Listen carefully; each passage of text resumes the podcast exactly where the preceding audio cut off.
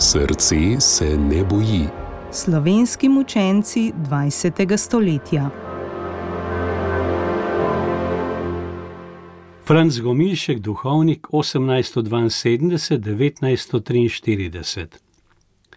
Posamezni evropski narodi so v prvi polovici 20. stoletja trpeli pod totalitarizmi, nekateri pod komunizmom, drugi pod fašizmom, spet drugi pod nacizmom.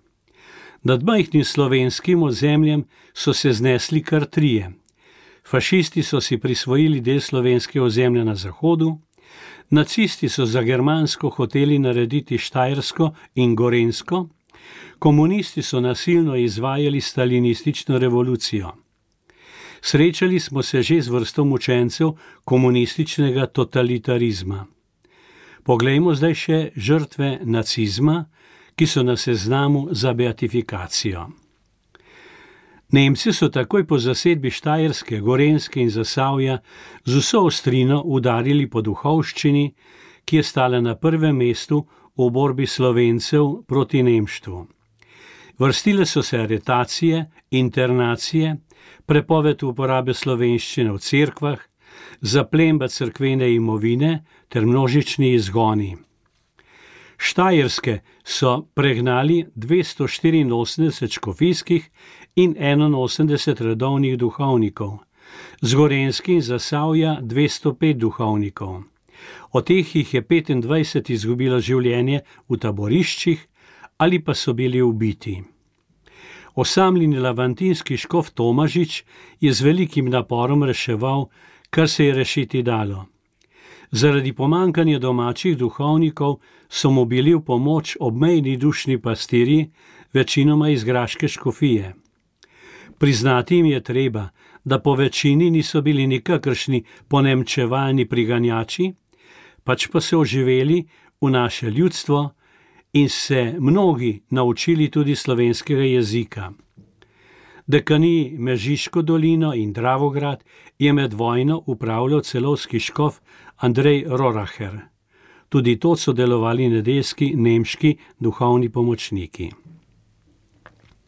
Okrutnost nacističnega okupatorja je trdo občutil duhovnik Franz Gomilšek, rojen 14. decembra 1872 v Krčevini pri Ptuju.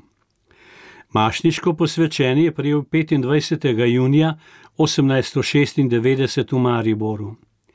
Njegovo prvo kaplansko mesto je bilo v župniji svetega Martina v Velenju, potem je kot kaplan deloval še v štirih župnijah Mariborske škofije, 1907 je prevzel župnijo svetega Petra na Kristanvrhu, od leta 1919 pa do druge svetovne vojne je bil župnik pri svetem Benediktu v slovenskih goricah.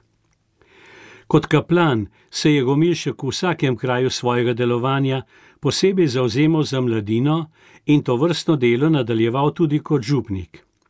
Sam je veliko bral in je svoje duhovno bogatstvo z veseljem razdajal tudi drugim.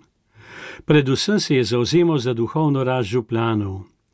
Bil je pobudnik fantovske in dekliške marine družbe, spodbujevalec apostolstva svetega Cirila in metoda za edinost, bil je pobudnik ustanovitve družbe katoliških mož pod varstvom svetega Jožefa in družbe katoliških žena pod varstvom svete Ane. Močno se je zavedal velikega pomena dobrega tiska in ga vneto širil. Skrbel je, da je vsaka družina v njegovi župniji imela naročen vsaj en verski list. Pri vernikih je bil izredno priljubljen, posebej je pospeševal češčenje srca Jezusovega. V ta namen je veliko pisal članke o glasnik srca Jezusovega. Vzgoji je mnogo mladih mož in fantov, ki so zauzeto sodelovali v katoliških ustanovah. V polni meri se je zavedal, da je duhovnik srednik med Bogom in človekom, skratka, bil je izredno goreč duhovnik. Okrutnost nacističnega nasilja je župnik Gomil še kaj malo trdo začutil. Dne 29. julija 1941 ga je aretiral in zasliševal vodja ptujske policije Hermann Görger. dva gestapovca pa sta ga pretepala. Nekaj dni zatem so ga z drugimi izgnanci odpeljali na Hrvaško v Slavonsko Požego. Februarja 1942 mu je uspela vrnitev v Slovenijo. Prišel je v Stično, od decembra tega leta pa je deloval v knežji vasi pri Dobrniču, v rojstnem kraju božjega služabnika Škofa Friderika Baraga. Kot gorečega duhovnika so ga ljudje hitro vzljubili. Tudi v tem kraju je močno poživel versko življenje in posebej spodbujajo češčenje srca Jezusovega. Toda to je trajalo manj kot celo leto. Po kapitulaciji Italije so na to področje prišli Nemci. Oktobra 1943 so sprožili veliko ofenzivo. Enoti, ki je prodirala od novega mesta proti Tremnem, je bil kot oficir dodeljen tudi vodja ptujske izpostave gestapa Hermann Görger.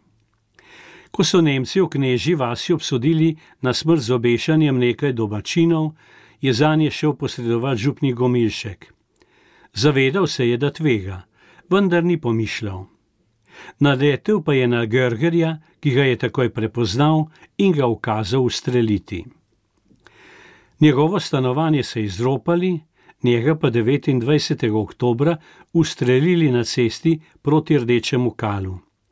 Domačini so o njem pripovedovali takole: Ker je hotel pomagati iz usmiljanja, saj se je zauzel za fante, od okupatorja obsojene na smrt, je res umrl mučeniške smrti.